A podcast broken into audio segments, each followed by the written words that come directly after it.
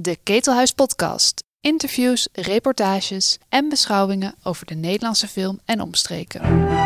Over het algemeen is er wel waardering voor de Nederlandse film. Doen we genoeg aan experiment? Hebben we genoeg lef? Ik hoorde dus laatst dat eh 70% van de regisseurs die maakt een eerste speelfilm en daarna niet meer. 70% valt af. Dat is ook de ellende natuurlijk van die Nederlandse filmwereld. Die is hartstikke klein. Ik ben directeur van CNL en ik ben het kaasmuisje van de Nederlandse film. Maar ik weet niet of dat interessant is voor de podcastluisteraar. Hallo podcastluisteraar.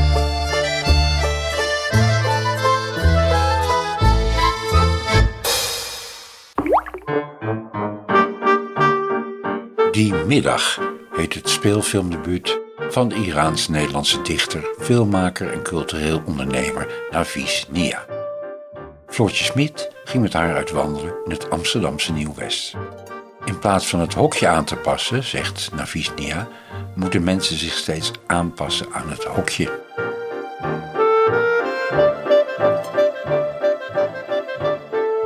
Navies, waar, waar zijn we eigenlijk? Want ik heb je hier opgehaald bij eh, de vlucht.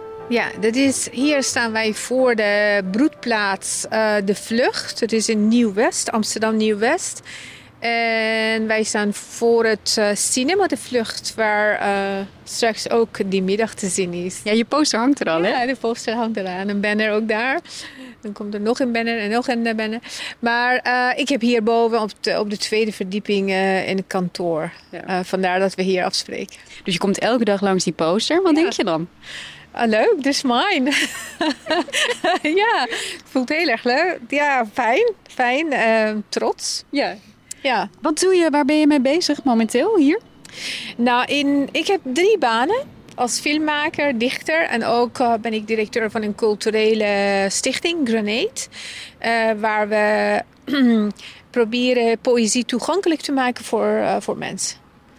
Eh, poëzie is in Nederland heel lang eh, een soort verheven, ver weg geweest. Eh, alleen ehm, geleerde mensen lazen het. En, en ik denk dat het zonde is, want poëzie zit in iedere conversatie, iedere handeling. Of je kookt, of je ruzie maakt, of je liefde bedrijft. Daar zit poëzie in. En, en ik zou heel graag dat ook toegankelijk willen maken voor, voor mensen. Want ik kom natuurlijk uit een land waar poëzie een onderdeel is eh, van het dagelijks leven. Ja. Dus eh, Je komt uit Iran. ik kom uit Iran, ja. ja. Maar drie banen lijkt me een beetje veel. Het is wel een beetje veel. En eh, ik ben de vrouw van to-do-lijsten. Dus ik heb echt strakke planning. Van maandag doe ik dit en dinsdag doe ik dat. Van, van vier tot zes dat. En eh, tot nu toe lukt het wel. Ja. Dus ehm, Die middag is je, is je debuutfilm als, ehm, als regisseur. Het, het gaat over een, een uitgeprocedeerde asielzoeker die ja, eigenlijk op zoek is naar een allerlaatste kans om, om toch nog, ja, laten we hierin gaan. Ehm, om toch nog een soort verblijfsvergunning te krijgen. Het is voor iedereen die op een moment in zijn leven de wanhoop nabij was, schreef jij in de persmap. klopt. Wanneer was dat moment voor jou eigenlijk dat je de wanhoop nabij was? Eh, wanneer ik het gevoel kreeg dat ik eh, misschien nooit eh, films kan maken in Nederland. En dat vond ik ondraaglijk. Want ik had geprobeerd. Ik kwam naar Nederland als een jonge filmmaker. Want ik was jong natuurlijk, maar ik ben sinds mijn 14e, 15e bezig met film maken. En ik kwam naar Nederland en ik dacht, oké, vrijheid. Ik kan eindelijk maken wat ik wil. En om eh, een beetje een voet eh, tussen de deur te krijgen, heb ik filmacademie gedaan, eh, scenario gestudeerd. En ik bleef maar gewoon filmplannen indienen bij omroepen, bij producenten, bij, bij filmfonds, bij allerlei zeg maar, projecten. Maar dat lukte niet. En, en er waren momenten dat ik echt ook gewoon op de bank eh, zat. En ik dacht, betekent dit dat ik geen films mag maken? En ik weet dat je natuurlijk wel tegenwoordig met je telefoon ook films kan maken. Maar ik bedoelde gewoon op een professionele manier. Zodat het publiek ook toegang tot, eh, tot je film heeft. Dat er eh, mensen naar kijken. Dat je ook met mensen in een teamverband kan werken. Gelijkwaardig en gelijkgestemd. En ehm, ja, dat miste ik enorm. En Waarom lukte dat nou niet dan? Als je filmacademie hebt gedaan, heb je toch meteen al wel een paar streepjes voor, zou je zeggen. Dat dacht ik ook. Maar het werkte niet zo. Nee, het ik was één keer overgekwalificeerd. En, dan- want dat was een eh, project voor beginnende maker. En dan deed ik dan bij eh, het project waar ehm, gevorderde makers. En dan was ik dan minder ervaren. En dan was het plan dan op dat moment niet relevant genoeg. Of eh, ik paste niet bij het team. Er was elke keer iets. Maar ehm, volgens mij, eh, toen ik begon, was er nog geen ruimte voor een beetje anders denken. Anders dingen aanpakken. En als je niet paste bij dat hokje, waar men eigenlijk een ehm, eh, budget voor had of dat soort dingen, dan paste je gewoon niet. Dus in plaats van het hokje aan te passen, moesten mensen zich steeds aanpassen aan het hokje. En waarschijnlijk paste ik toen dan niet. Waarom paste je dan niet, denk jij? Ik weet het niet. Ik, ehm, ehm, kijk, voor mij. ehm, ik heb voor het maken van alles wat ik doe, of het een evenement is, of een gedicht of een eh, eh, film, heb ik drie V's voor mezelf: Eh, verdieping, variatie en vermaak. Want ik denk dat deze drie heel goed samen kunnen gaan. En de een sluit de andere niet uit. En soms had ik het idee dat of de films zijn alleen maar gefocust op verdieping en vergeten vermaak, vergeten het publiek, vergeten dat de mensen ook gewoon voor de tv kijken voor de lol. Niet alleen maar om eh, iets te leren.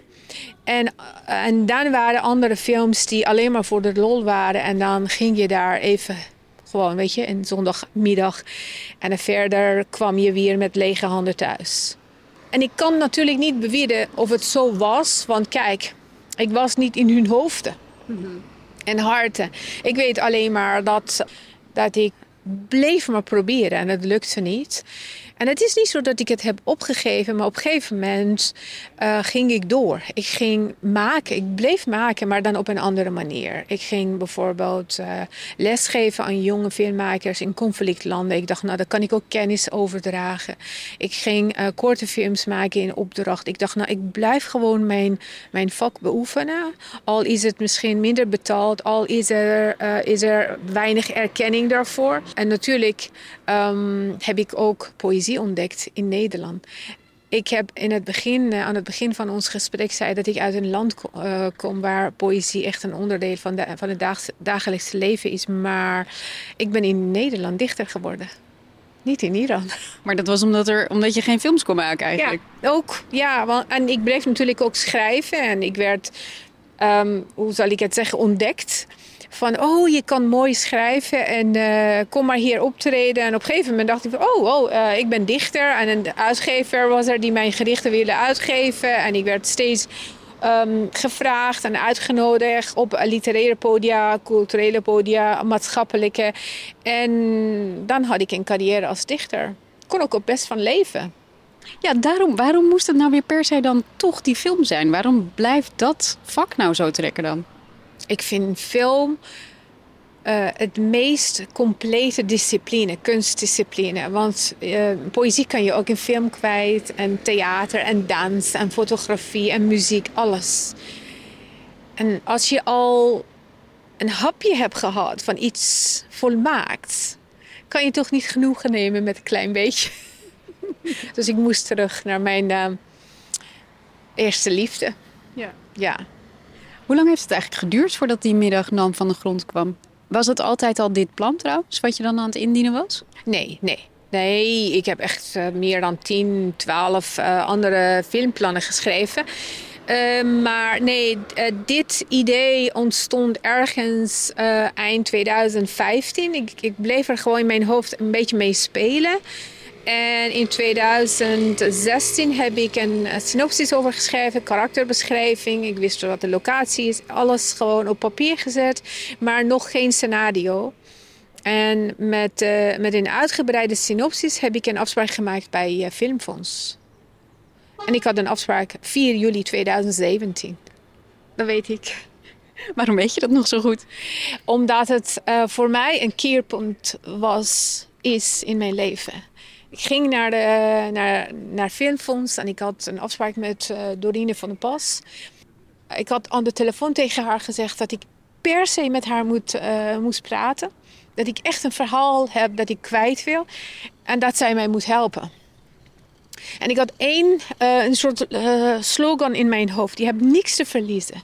Erger dan dit wordt het niet. Dus je moet gewoon niet uh, verlegen zijn. Je moet niet bescheiden zijn. Je moet gewoon zeggen wat je wil. En als ze jou niet willen of geen kans geven, erger dan niet wordt het niet. Ik bedoel, je maakt toch geen films. Dus, dus daar ben ik ook met zo'n houding eigenlijk naar, naar Filmfonds gegaan. En ik zat tegenover haar en ik zei, ik heb een verhaal. Is mijn verhaal, maar het is ook het verhaal van heel veel andere mensen. En ik herken dat wel. En daarom moet, moet ik dit verhaal vertellen. En zo snel mogelijk. En ik heb natuurlijk uh, tips gekregen van haar. En waarschijnlijk was hij ook ontroerd, denk ik. Ik heb nog steeds contact met haar. Een fantastische vrouw. Maar ik heb iets gezegd dat ik misschien... Later dacht ik van wow, dat je dat durft. Maar... Uh, dat heb ik gedaan en ik ben blij dat ik het heb gedaan. Op een gegeven moment um, zei ze van... waarom denk je dat het jou lukt om deze film te maken? Waarom denk je dat jij degene bent? En ik zei, oké, nou, ik, ik, kan, ik kan dit niet bewijzen. Ik kan niet, niks garanderen. Dus ik zei, wacht even. Per jaar worden iets van 15, 20 films in Nederland gemaakt. Waarvan de helft floppen. Wat als jullie mij nu al als een van die geflopte filmmakers zien? en mijn film als geflopt. Ja. Wie weet, kan ik jullie verrassen? en ze keken allebei naar mij van oké, dat hadden ze niet verwacht, denk ik. Nee, het is een interessante redenering ook. Ja, want ik dacht van, ik kan niet zeggen van ja, uh, ik zou tien jaar daarvoor uh, gezegd hebben ja, Hadeli has faith in me. Ik ga het waarmaken. Ik heb ervaring. Ik heb eerder films gemaakt. Hallo, ik heb een bagage. En dan probeerde ik hen te overtuigen. Maar op dat moment dacht ik van, dat werkt niet. Dat heeft ook tot nu toe niet gewerkt. Waarom zou het nu werken? Dus dacht ik van, weet je wat? Ik ga zeggen van, nee, ik, ik ben nu al slecht. Als je daarvan uitgaat, want je denkt van, ja, waarom denk jij dat je deze film kan maken? En dan wie weet wordt het wat. Het is voor jezelf ook wel een lekker uitgangspunt, neem ik aan. Want ja, als het dan mislukt, ja, dan had iedereen dat toch al verwacht. En je kan alleen maar winnen op dat moment als regisseur. Ja, maar dat, dat had ik helemaal niet. Want ik voelde me zo nog steeds ook verantwoordelijk. Want ik stond daar en ik zei ook, ik, ik sta hier tegenover jullie. Niet alleen maar als Nafisnia. Maar als vertegenwoordiger van een groep mensen voormalige vluchtelingen die met veel bagage naar Nederland zijn gekomen, geen erkenning hebben gekregen voor wie ze zijn en wat ze doen. En ik voel me verantwoordelijk, want als het niet lukt, dan krijgen zij ook misschien geen kans. En uh, dan zou men zeggen van, nou zie je, wij, ja, we hebben wel wat voorbeelden we hebben al wel kansen gegeven, mogelijkheden ge, uh, uh, gecreëerd. Maar het is niks geworden, dus waarom zouden we? Dus ik voel me zo. Ik kan ook natuurlijk zeggen van ja, hallo, het kan me niet schelen wat jullie van anderen vinden of van mij, van mij vinden. Ik denk alleen maar aan mezelf. Maar zo dacht ik niet. We zijn trouwens, ik vind het heel grappig. We zijn net weggelopen bij die broedplaats en we zijn nu in een soort park. Ik had hier helemaal niet een park verwacht zo groen hier. Zo groen en water. Eigenlijk, ik kende uh, Nieuw-West helemaal niet. En ik kreeg deze ruimte ook aangeboden. Ik betaal ervoor, dat is niet gratis, maar even aangeboden. Maar, uh, en ik kende Nieuw-West helemaal niet. En uh, omdat ik nu hier zit, dan maak ik ook heel vaak wandelingen. En ik ontdek hoe groen Nieuw-West is. En hoe mooi eigenlijk. Prachtig, echt. En het ruikt zo lekker naar nat gras. Ja, klopt. Ja. Nee, het is echt een soort, ja, uh, een hele andere groene wereld hierachter. Ja. Het is inderdaad alsof we getransformeerd zijn of uh, getransporteerd zijn naar een andere plek. Ja. Even over je film. Want er zit natuurlijk. Um, je zegt het is een. Um, het is gemaakt eigenlijk over alle asielzoekers. Hè? Het gaat niet over, over specifieke asielzoekers. Maar hoe kwam je bij dit specifieke verhaal? Hoe kwam je hierop? Misschien kan ik een stap terugnemen dat dit ook, het verhaal gaat natuurlijk over twee uh. Eén iemand die lang hier, uh, een voormalige eigenlijk asielzoeker en een nieuwkomer. Maar in feite gaat het ook over uh, iedereen die zich in een situatie niet thuis voelt. Mijn Nederlandse vriendin, hoogleraar, zei: Ik herken dat. Jarenlang tussen al die mannen werken. En de hele tijd als de enige vrouw jezelf moeten bewijzen en bewijzen en bewijzen. Dat was voor mij herkenbaar. Dus ik ben, nou, ik ben niet blij dat zij zo, zich zo voelt of voelde. Maar ik ben wel blij dat de film verder gaat dan alleen maar over het lot van twee asielzoekers. En alle biculturele mensen. Mensen van kleur hebben ook natuurlijk zo'n um, verhaal.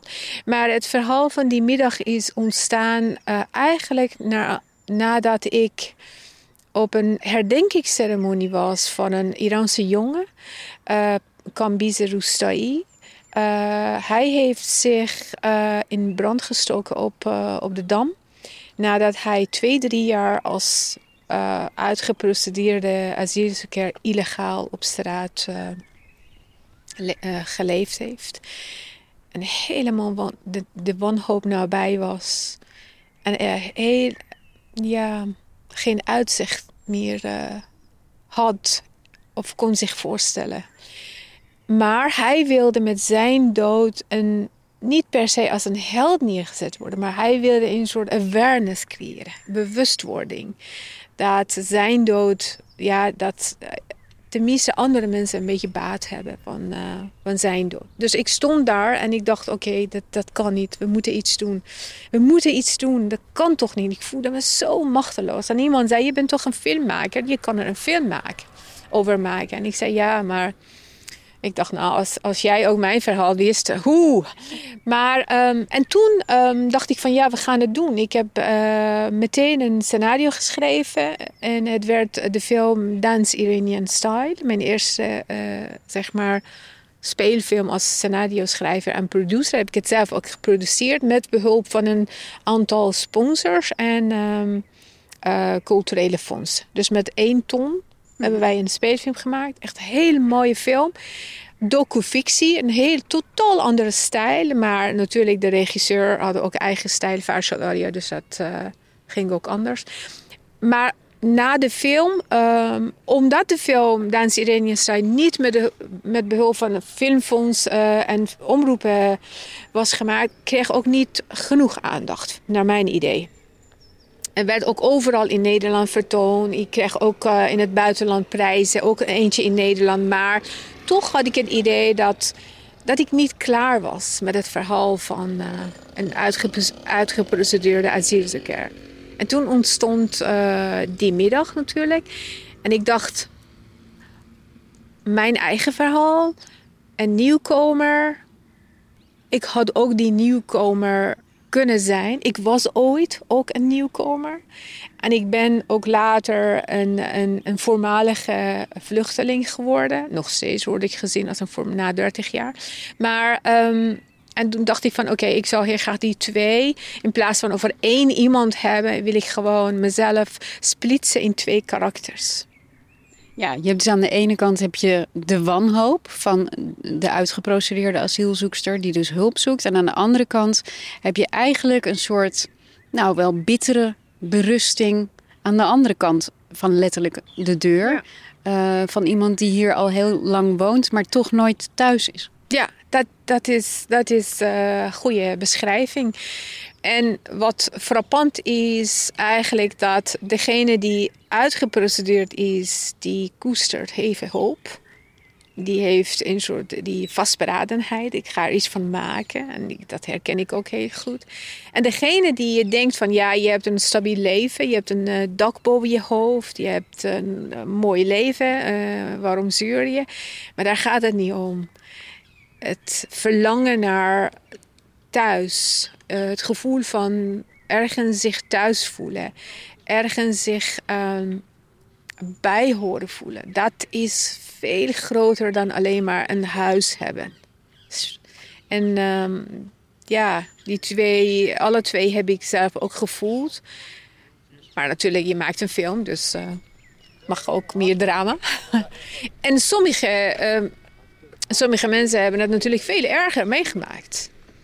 En uh, dus ja, in, in, in dat opzicht is het herkenbaar voor heel veel mensen. Je, je spreekt de hele tijd in de verleden tijd. Ben je nu dan, voel je je helemaal 100% Nederlands? Ik voel me heel... Ja, kijk, voel je je ook Nederlands? Altijd? Elke dag? Nee. Ja, ik dus niet eigenlijk, nee. Nee, maar dat heb ik ook. Waar ik me heel erg thuis voel is in de Nederlandse taal. Ik hou van deze taal en uh, daar voel ik me heel erg thuis. Maar in Nederland, nou, op een dag wel, op een andere dag niet. Maar ik denk dat heeft iedere Nederlander. Het zit ook heel erg in je film, hè, die liefde voor taal. Wat is er nou zo mooi aan dat Nederlands? Alles. Het is een hele rijke, mooie taal. Absoluut niet perfect. Maar in die imperfectie zit schoonheid. En, uh, Wacht, leg eens uit. Waar, waar noemen ze iets? Kijk, Nederland is rijk aan werkwoorden. Het is een praktische, pragmatische taal. Voor alles heb je een werkwoord. En in het Persisch heb je dat niet. In tegenstelling tot, uh, tot het Nederlands is het Persisch rijk aan bijvoeglijk naamwoorden. Dus vandaar dat poëtische. Dus mijn derde bundel, uh, dichtbundel, heet 26 woorden voor schoonheid. Want in het Persisch heb je echt 26 woorden voor mooi, schoonheid. Maar uh, wil je zeggen van, van de ene kant van de straat naar de andere kant van de straat gaan, moet je uitleggen. Terwijl in het Nederlands heb je oversteken. Heel simpel. Ja, ik vind dan meteen het Persisch interessanter en mooier. Want dat, het laat een beetje zien dat wij dus een soort een werkwoordenvolk zijn. Wij zijn meer doeners en niet denkers, denk je? Nou, denkers ook, want je hebt erover nagedacht. Anders zou je niet een uh, mooi woord kunnen kiezen voor uh, drie zinnen. dus denkers uh, zijn, zijn jullie, zijn Nederlanders zeker wel. Maar misschien, ja, misschien mag er ook meer emoties in. Mag, want als je, um, als je emotioneel wordt, dan heb je de neiging in het Nederlands een beetje sentimenteel te worden. Maar je mag wel emotioneel zijn in het Persisch zonder sentimenteel te doen. En soms moet je natuurlijk een soort uh, evenwicht vinden tussen, uh, oké, niet sentimenteel, wel emotioneel en gevoelig. En dat probeer ik ook uh, met mijn eigen poëzie ook een beetje um, toe te voegen eigenlijk aan de misschien Nederlandse poëzie. En ik denk dat het, dat het ook, uh, dat het ook uh, sowieso gebeurt met ontzettend veel biculturele schrijvers en dichters die de Nederlandse taal uh, best hebben verrijkt. Ja, en kleurrijker gemaakt. Desalniettemin is trouwens ook mijn lievelingswoord. Echt waar? Ja. Nou, super. ja, mooi woord. Ja. ja.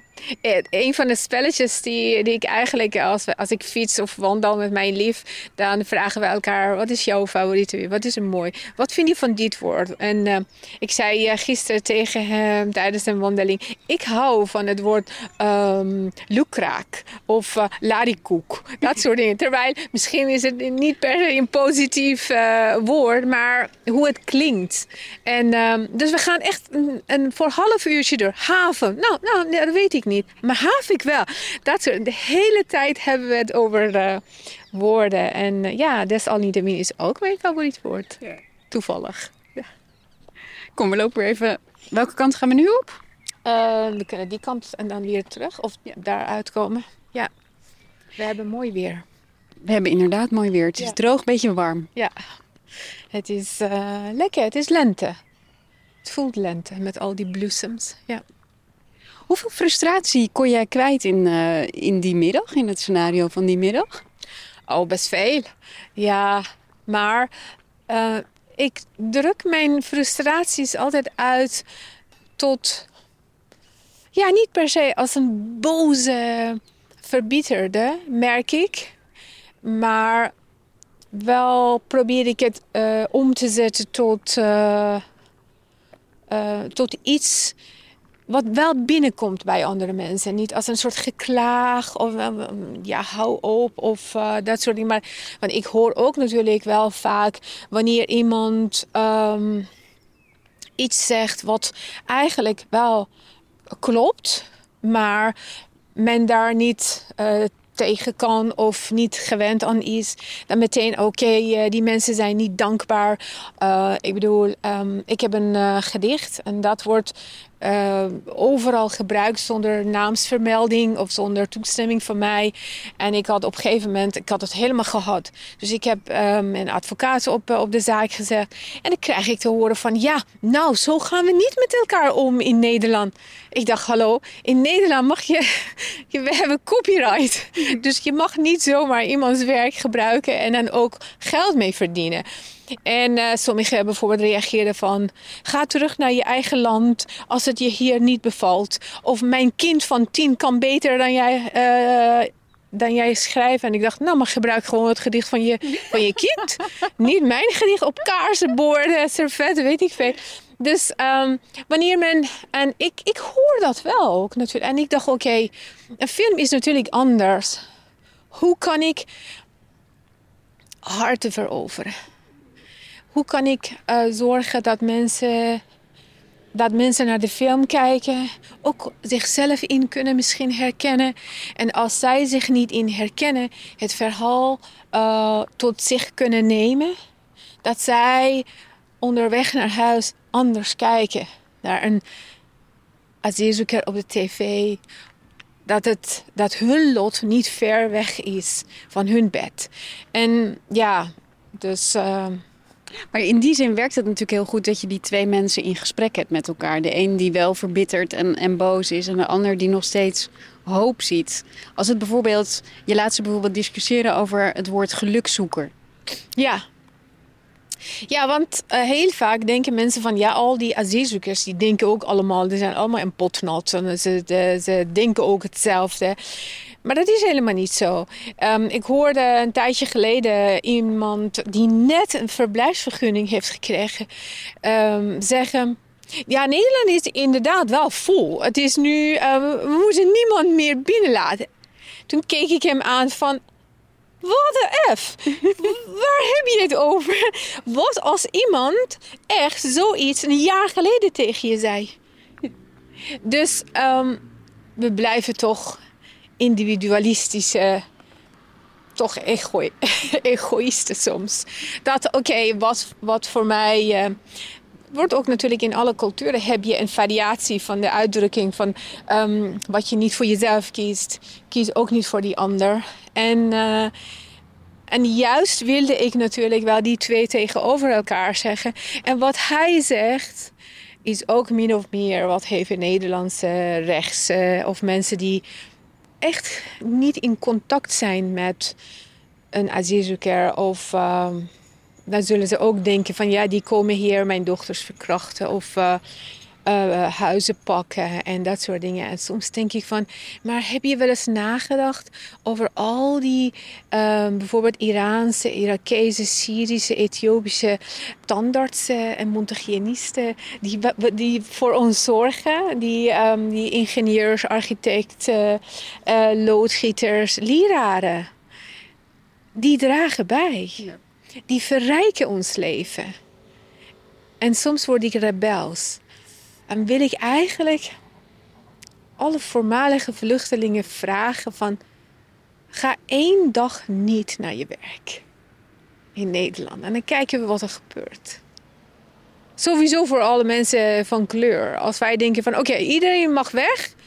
Echte Nederlander mag blijven. Nou, ik, ik ben benieuwd of echte Nederlander het kan redden. Ik vrees van niet, nee. Maar wij we proberen altijd de lege kant van het glas te zien, helaas.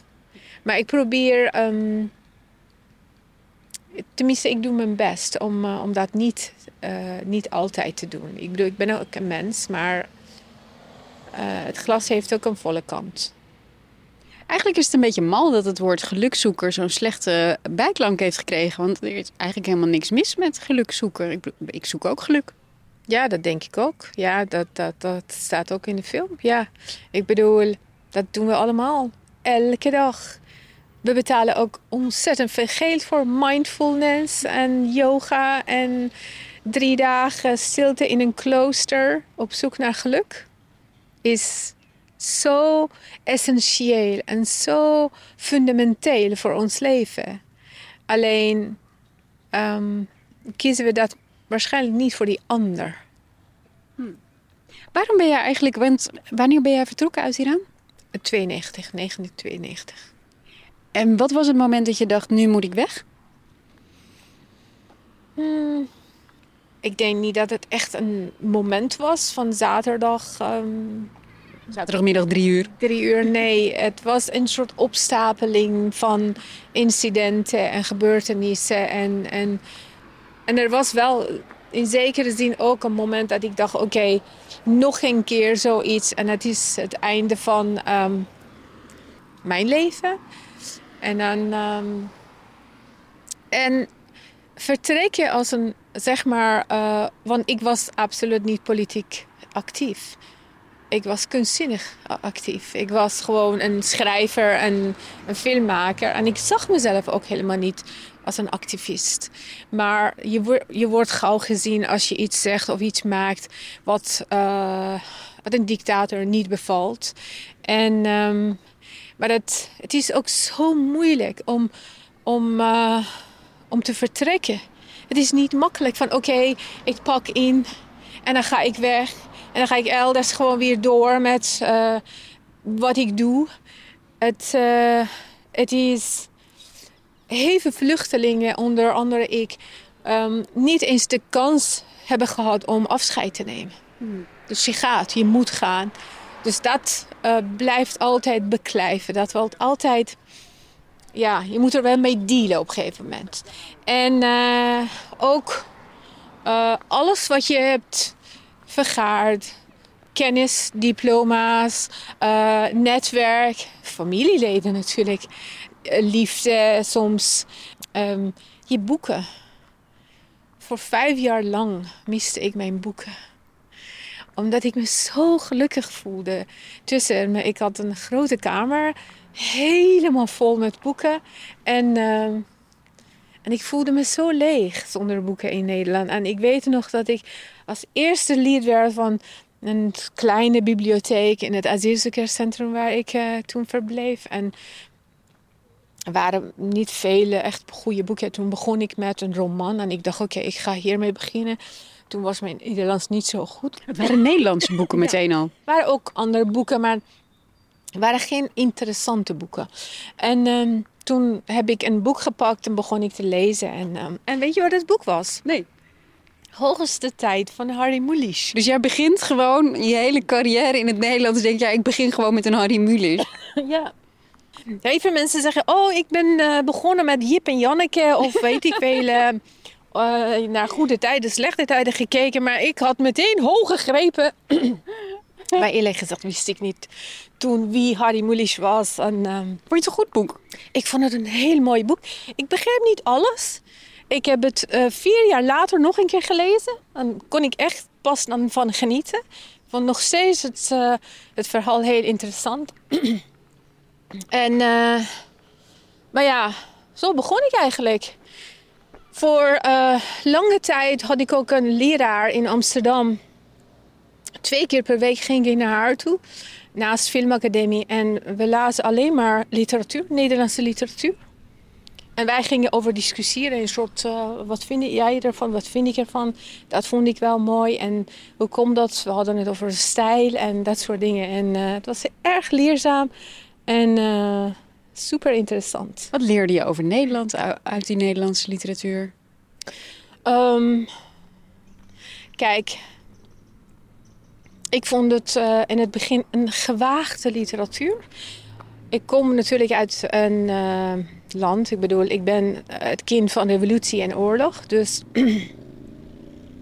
dat het zo openlijk bijvoorbeeld over seks werd gesproken of over dat eh, Jan Wolkers of eh, Ja, Jan Wolkers is inderdaad wel een stapje dan. ja. en eh, of bijvoorbeeld Martin het Hart over geloof. Ik vond het zo fascinerend en zo'n verademing. Dat mensen gewoon hun idee konden op papier zetten zonder uh, gearresteerd te worden, zonder gecensureerd te worden. En dat, uh, ik vond het een, ja, wat ik zei, de eerste tien jaar vond ik het gewaagd. Ik dacht, oeh, dus dat kan ook zo. Want ik las natuurlijk ontzettend veel Franse literatuur. En uh, um, in het Frans is het wel open, maar niet zo gewaagd. Niet zo expliciet. Maar dat las ik wel terug in het uh, Nederlandse literatuur. Ja. Je had het over dat je je, boeken miste. Um, ik, ik wil toch nog even terug naar het moment dat je. Wist jij dat je alles zeg maar voor goed achterliet daar? Of was het, dacht je, ik kom wel weer terug? Um, nee, ik wist niks. Ik was. Um, ik had me voorgenomen om te leven in het moment. Want ik wist niet eens of ik ergens zou eindigen of laat staan teruggaan. Ik wist niet of uh, uh, vluchten met smokkelaars. Ik had helemaal geen idee. Ze hadden ook uh, prima mij ergens kunnen dumpen. Mm -hmm. En dan weer verder gaan. Geld hadden ze al, toch? En dus nee, ik, uh, ik had absoluut geen idee waarheen ik ga. En ik wist niet of ik ergens zou aankomen. En ja, ik dacht wel dat het misschien, als het lukt om, om weg te gaan, dat het voor korte duur is. Dat, dat denk je wel. Hoe lang duurt zo'n periode dat je dus echt in het moment moet leven omdat je niet weet waar je terecht komt? Hoe lang heeft dat voor jou geduurd? Nou, ik denk uh, het, het, de, zeg maar het actiemoment. Vlucht is vier, vijf dagen, een week. Daarna, als je in Nederland bent en dan ben je bezig met, uh, met de taal. En nog steeds denk je van ja, dit is toch, dit is toch tijdelijk. Ik denk dat het drie, vier jaar duurt. En dan, uh, ik denk dat in het algemeen elke vluchteling tien jaar nodig heeft om te settelen. Want het gaat niet alleen maar om de taal te leren en een integratiecursus te volgen en halen. Het gaat erom uh, hoe je codes, hoe je het systeem leert kennen. Dat is nog belangrijker eigenlijk dan de taal. Het systeem, omgangsregeling, codes, uh, seinen, uh, hoe je kijkt, hoe je praat, hoe je je handen gebruikt. En daar wordt heel vaak ook helemaal geen aandacht aan besteed. Want als je je door Jip en Janneke hebt heen geworsteld, is het eigenlijk al goed. Ja, dat is waar. Ik weet nog, een, een vriendin van mij was advocaat. En op een gegeven moment belde ze me en die zei van... Ja, ik heb een cliënt, dat is een jonge man uit Iran. En die de hele tijd die kijkt naar de grond en die kijkt me niet aan. Is hij bang? En ik zei nee, dat doet hij uit respect. Voor een oudere vrouw, ook advocaat. Dat is zijn manier van ik respecteer jou. Dus ik kijk niet zo strak uh, je aan. Terwijl in het Nederlands totaal andersom is. Hmm. Als je uh, iemand niet rechtstreeks aankijkt, dat betekent dat je het is onbeleefd. Het is onbeleefd. Nee. Dus zie je, dat zijn allemaal kleine dingetjes. Er staat ook nergens in een, in een boek of zo. Je kan niet een boek lenen of uh, kopen en denken van... En zelfs als dat staat, want er zijn inmiddels ook heel veel boeken over... hoe Fransen over Nederlanders denken, hoe Duitsers over, over Spanjaarden. Dat soort dingen. Maar ik denk dat het leren kennen van uh, het systeem en codes... Uh, door het te doen, duurt best lang. Want uh, je moet je ook voorstellen van uh, ook um, belastingaangifte doen, uh, inschrijvingen, een paspoort aanvragen, een, een huis natuurlijk, um, een verhuizing regelen. Ieder land heeft eigen codes en systeem. En dan moet je natuurlijk naast je eigen trauma en je drama te verwerken en je heimwee te verwerken, moet je ook natuurlijk echt meedoen. En ik denk dat bijna iedere vluchteling mee wil doen. Want anders denken ze van oké, okay, dan leer ik het niet. Maar dan komt het moment dat je moet beseffen, je moet mee mogen kunnen doen. Om mee te kunnen doen. En daar schort het aan in Nederland. Ja, want hoe kan je meedoen als je niet mee mag doen? Ik bedoel, ik, ik, ik wil me prima integreren, maar ik wil het gewoon aldoende doen. En ik kan het niet doen als ik dan niet aangenomen word voor een baan. Want en ik snap het wel dat, dat boer niet vreet wat hij niet kent. Dat snap ik wel. Maar laten we één keer gewoon zeggen van... Hé hey boer, probeer het. Misschien vind je het leuk. of lekker. En ehm, ehm, dat blijft altijd mij uh, bezighouden van... Oké, er is wel meten met twee maten gaande hier. Want oké, van mij wordt verwacht, je moet meedoen, je moet meebetalen, je moet werken, je moet uh, dit, anders ben je een uh, opportunist of een profiteur. Dat snap ik, dat wil ik ook. Maar dat, ja, er is helemaal niks leuks aan thuis zitten voor de buis. Tenzij die middag wordt vertoond. dat mag. maar um, iedereen wil graag meedoen. Maar dan moet je die kans ook krijgen. Ja, ik denk wel eens dat als het gaat over asielzoekers, dat we een heel raar beeld hebben. Want als je gewoon nadenkt over jezelf als mens, dan wil je inderdaad meedoen. En er is echt werkelijk geen enkele reden waarom ik hier alles zou achterlaten. Om een heel onzeker bestaan. Dan, dan is de nood echt heel hoog. Ja, ja. Dat besef is ook natuurlijk wel echt uh, een, um, een deugd. um, en sommige mensen, ik heb ook, uh, ik weet nog, in het uh, opvangcentrum zag ik ook sommige mensen uit, bijvoorbeeld toen um, Oost-Europa, even komen. En ik van oké, okay, ga ook kijken of ik hier ook een asiel kan vragen. Nee, het is best hard, uh, heb ik geen zin in, terug. En dat geldt ook voor heel veel mensen. als zij echt een beetje voor de vakantie houden komen, dan worden ze gauw teleurgesteld en ze keren weer terug. Maar als iemand zegt, ik kan echt niet terug.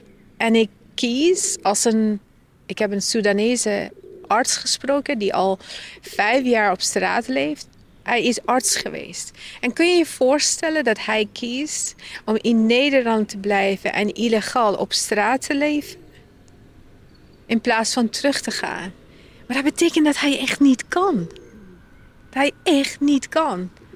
Want hij is zijn status kwijt, zijn familie kwijt, zijn uh, zekerheid kwijt, zijn identiteit kwijt en waardigheid. En toch blijft hij. Dus het moet toch een noodzaak aan verbonden zijn. Ja. In hoeverre, want in, in jouw film zit dat. Um, daar zit, is een discussie tussen de, de twee asielzoekers. De een die zegt: Ja, maar jij hebt nu een vergunning jij bent er, jij hebt alle vrijheid. En hij zegt, ik heb eigenlijk helemaal niet alle vrijheid. Dat is een soort illusie. Uh, in hoeverre vertolkt dat jouw gevoel? Ik heb beide gevoelen meegemaakt. Ik ben, uh, ik ben in feite beide karakters en tegelijkertijd ook weer niet. Maar uh, natuurlijk, als je in haar schoenen staat, dan uh, wat hij heeft is een soort ideale situatie. Gewoon veiligheid, vastigheid. Maar in zijn situatie is dat niet genoeg. Die erkenning, de waardigheid, identiteit hebben, dat is natuurlijk het allerbelangrijkste. Maar als je natuurlijk op zoek bent naar alleen maar brood en onderdak, dan heb je weinig uh, wensen of weinig uh, eisen. Het groeit eigenlijk pas op het moment dat je gezetteld bent, eigenlijk. Ja, ja. dus eigenlijk word je weer mens als je die basis hebt. En dan denk je van oké, dus dan wil ik nu. Uh, er is nu onderscheid tussen oké, okay, uh, eigenlijk mens en dier dan. Je hebt die basis en dan word je opeens een mens. En dan wil je nadenken. Dan wil je over kunnen fantaseren. Over dingen dromen, naar dingen verlangen films maken. Ja, films maken bijvoorbeeld. Ja. Schilderen, schrijven. Ja. Hoe zijn de reacties eigenlijk um, op die middag? Want hij heeft gedraaid in Rotterdam. Hij heeft gedraaid op Movies That Matter. Wat voor reacties krijg je? Tot nu toe erg positief. Mensen kunnen zich in herkennen. Mensen, uh, vooral even jonge mensen, kunnen echt uh, connectie meemaken. Ik was er heel erg verbaasd over. En, en eigenlijk fantastisch dat ehm, jonge mensen ook soms al die details, al die verborgen dingen in herkennen en dan eh, en ontdekken. En, eh, daar was ik ontzettend blij mee. Ehm, ik dacht eerst van uh, vooral oudere mensen vanwege oorlogsverleden of vanwege herinneringen aan hun ouders en uh, opa's en oma's uh, van de Tweede Wereldoorlog. Dan kunnen ze een beetje mee um, kunnen het herkennen. Maar dat gebeurt wel. Maar tot mijn grote vreugde, jongeren die, die kunnen zo'n verbinding met de film maken. Dat maakt me alleen maar blij. Kom, we gaan een stukje lopen en we gaan het even hebben over het. Uh, oh, die kant op, ja.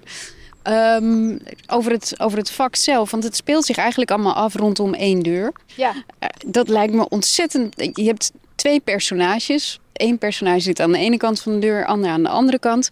En het lijkt me ontzettend moeilijk om in zo'n kleine arena die spanning te houden. Was Ja. je daar niet bang voor dat dat zou inzakken ergens? Ehm, ja, kijk, of het me lukt of niet, was ik er wel eh, natuurlijk wel bang voor. Maar ik was er niet bang voor of, of het überhaupt lukt of niet. Want voor mij eh, zijn er eh, grote meesters die spelen met kleine arena. Eén persoon zelfs, een telefoongesprek en enorme verrassing. Alleen ehm, mijn verhaal en mijn grote meester is Hitchcock. Ehm, de, ja, de meester in suspense. En ik keek er echt alle films tijdens de voorbereiding eh, van die middag, alle films eh, zo vaak. En natuurlijk, ehm, in Hitchcock-films ehm, gebeurt misdaad.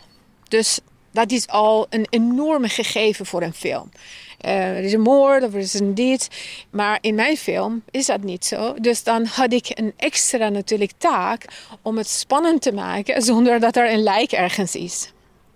Maar toch heeft, hebben die, die films, bijvoorbeeld van eh, Hitchcock, van Won Kar Wai, van uh, Asghar Farhadi, is ook een meester in, in suspense creëren, eigenlijk in drama en niet per se in een soort misdaad. Die hebben ook allemaal geholpen. En ik dacht, ja, ik wist dat het doable is, alleen wist ik niet of ik het kan. um, en natuurlijk, het was ook een enorme uitdaging. Voor mij wel is, is die gang niet per se een gewone gang. De gang is ook een karakter. Het is leven. Dat is het leven om, om, om Roya heen en om, om, uh, om die jonge man heen. Dus dat is.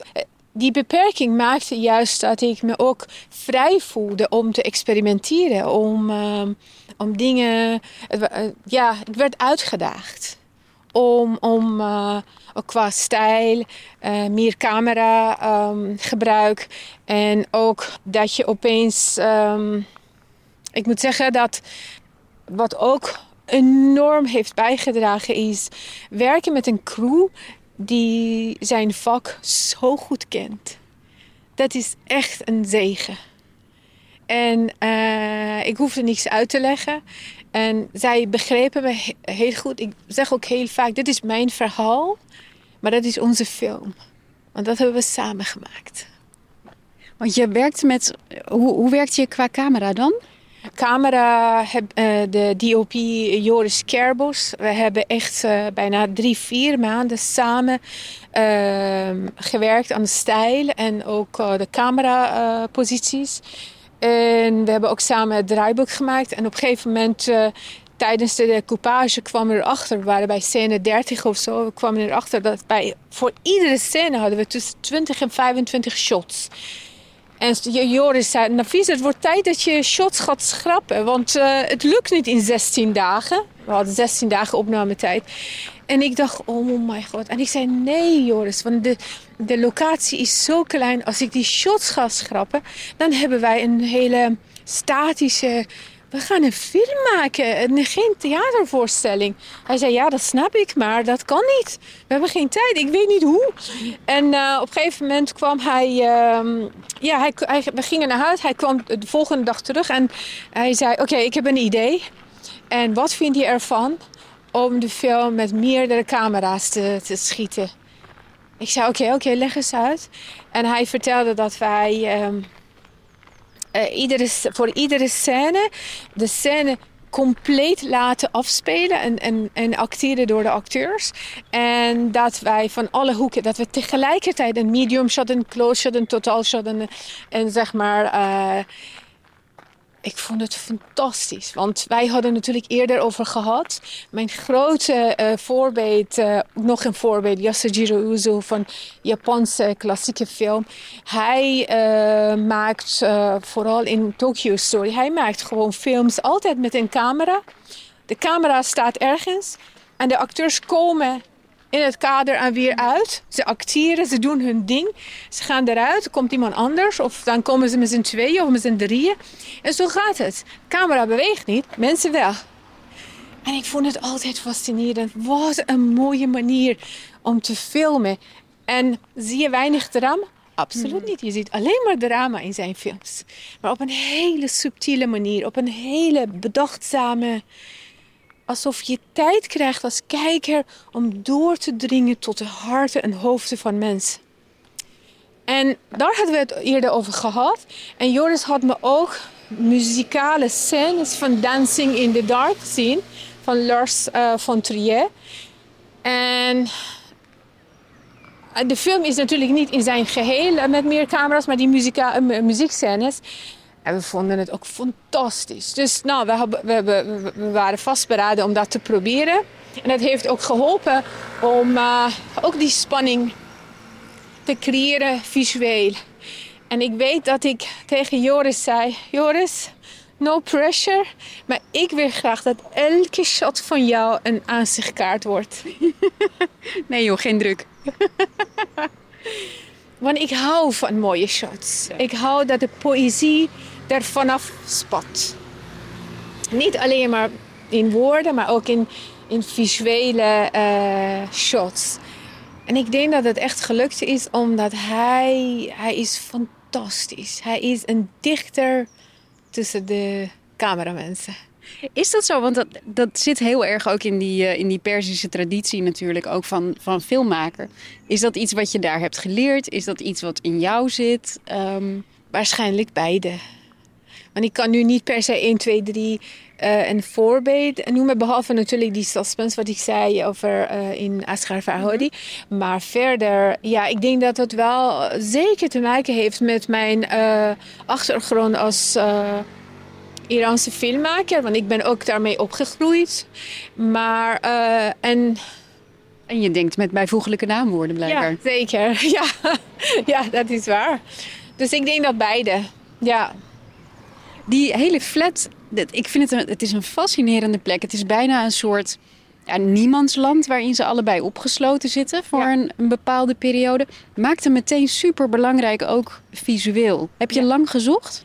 We hebben lang gezocht en ik zei tegen de locatiescouter: die gang, die flat, eigenlijk het gebouw waarin zij uh, zich in bevinden, is niet alleen maar arena van de film. Het is een derde karakter. En zo moet je naar een gebouw uh, zoeken die karakter heeft. Die echt die laat zien eigenlijk waar ze zich in bevinden. Want dat is hun, dat is hun leven. We horen mensen, we horen geroezemoes, we zien schaduwen. Mensen komen en gaan. Mensen die niet in hen geïnteresseerd zijn, wel nieuwsgierig. En uh, dat en dat is precies wat ik wilde laten zien. En toen wij het gebouw binnenliepen, we waren meteen, Joris en ik, gewoon verliefd. Want het is geen echte flat. Nee, het is een belastingsgebouw van, eh, in Haarlem. Oud. Oud belastingsgebouw. Al twintig jaar dicht. Echt waar? Ja, en uh, voor vijf jaar was er ook geen, uh, is er misschien nog geen elektriciteit, geen uh, warmte, niks. Dus uh, we hebben ook in januari natuurlijk, de, in de koudste ma maand van dit jaar, hebben we gefilmd. Maar binnen was 5 graden altijd kouder. Oh, het was echt zo koud. Maar uh, ja, misschien heeft het ook geholpen, maar we hadden het altijd koud. Ja. Iedereen liep als een Eskimo. Maar dat is heel koud geweest voor de acteurs dan ook? Nou, die, die hebben we wel verwend met extra kachel. Maar ja, ik bedoel, in vergelijking met weet je wat acteurs krijgen, hadden ze het ook best uh, zwaar. Maar de rest van de, uh, de crew had het zwaarder, denk ik. Want ja, wij liepen gewoon in een soort open ruimte. En zolang je werkte, had je het niet door. Maar als je even stil stond, dan kroop gewoon de kou door je, ja, door je kleren. Hoe was dat eigenlijk op die set? Want dan stond je er dus eindelijk. Na jaren en jaren en jaren van frustratie. En dat het allemaal niet lukte. En dan heb je al die mannetjes en de poppetjes die je kan laten bewegen. En kan laten doen wat je wilt. Die de dingen zeggen die je hebt bedacht. Ja, uh, euforisch eigenlijk. Um, maar eerste twee, drie dagen. Het duurde even voordat ik uh, me kon uh, realiseren wat ik aan het doen was. Want terwijl alles uh, doorging, uh, eigenlijk maar um, eerste twee, drie dagen voelde alsof ik uit mezelf steeg. Ergens in een hoekje naar mezelf aan het kijken was. Wat ben je aan het doen? En doe je het goed? En pas op. En, en ja, je moet je bewijzen. Nu is het moment. En na twee, drie dagen dan die twee herenigden weer. Dat ik mezelf weer werd. En kon ik ook van genieten. En, en er kwamen natuurlijk steeds mooie shows. En iedereen riep wauw, wauw, wauw. En... Uh, dus dat hielp. Maar de eerste twee, drie dagen was ik ook best zenuwachtig. En ik dacht, oké, okay, uh, ik weet niet waar ik moet zitten. En uh, moet ik daar helpen? Moet ik Had je niet een stoel met regisseur erop? Jawel, maar ik dacht, moet ik niet uh, daar even helpen met opruimen? moet ik niet even de camera even wegzetten? Moet ik niet helpen met, weet ik veel. En op een gegeven moment kwam mijn uitvoerende producer. Die zette mij in, een, in mijn stoel met een dekentje. Het is nu tijd om niks te doen, Nafis. Wij zijn er om, om, om jou te helpen, om jouw verhaal, jouw visie, jouw uh, gedachten uh, om te zetten tot uh, mooie shots. Dus um, regisseer. Dat was echt een hele goede. En echt af en toe, ja. Da omdat ik ook gewend was alles zelf te doen. En ik ben ook helemaal niet vies van. Weet je, uh, ja, ik ben hier ook directeur, maar even gewoon even meteen met de anderen gaan afwassen, even de uh, grond bezig met dat soort dingen. Daar ben ik helemaal niet vies van. Maar uh, op de set mocht ik niet eens. Maar bijvoorbeeld de setdress. Ik zei, de, de tas van Roya moet zo en zo staan. En liep ik erheen omdat. Te herstellen. En de zetdresser van dit is mijn job. dus ik moest ook natuurlijk oppassen dat ik niet bemoei met ander man uh, werk. Ja. Dus nee, het was uh, ja, twee, drie dagen en dan was ik weer uh, gewoon alsof ik nooit weg ben geweest. Ja. Maar nu kan je dit natuurlijk ook nooit meer loslaten. Er moet nu een, een volgende film komen. Ja, die is er bijna. De synopsis is er. Ja, ik had mezelf beloofd als um, voordat de film in de bioscopen komt, moet uh, het filmplan van de tweede, volgende klaar zijn. Dus ik heb het geschreven. Tussen deadlines door. ja. Tussen uh, al die andere werkzaamheden. Ja. Maar het is wel gelukt. Ik heb nu, um, ik heb nu een verhaal. Nog, niet, nog geen scenario, maar wel het verhaal. En um, Um, ik ga nog even door met, uh, met het leven van uh, vluchtelingen in Nederland. Want er zijn zoveel verhalen die nog niet verteld zijn. En op een manier dat ik het zelf heb meegemaakt of zien gebeuren. Dus dat wil ik wel laten zien. Er zijn zoveel ongezegde, onvert, onvertelde verhalen. Dus voorlopig blijf ik. maar het is niet zo dat ik gewoon altijd ook daarover wil daarover films wil maken. Maar voorlopig wel. Dankjewel. Heel graag gedaan. Dankjewel.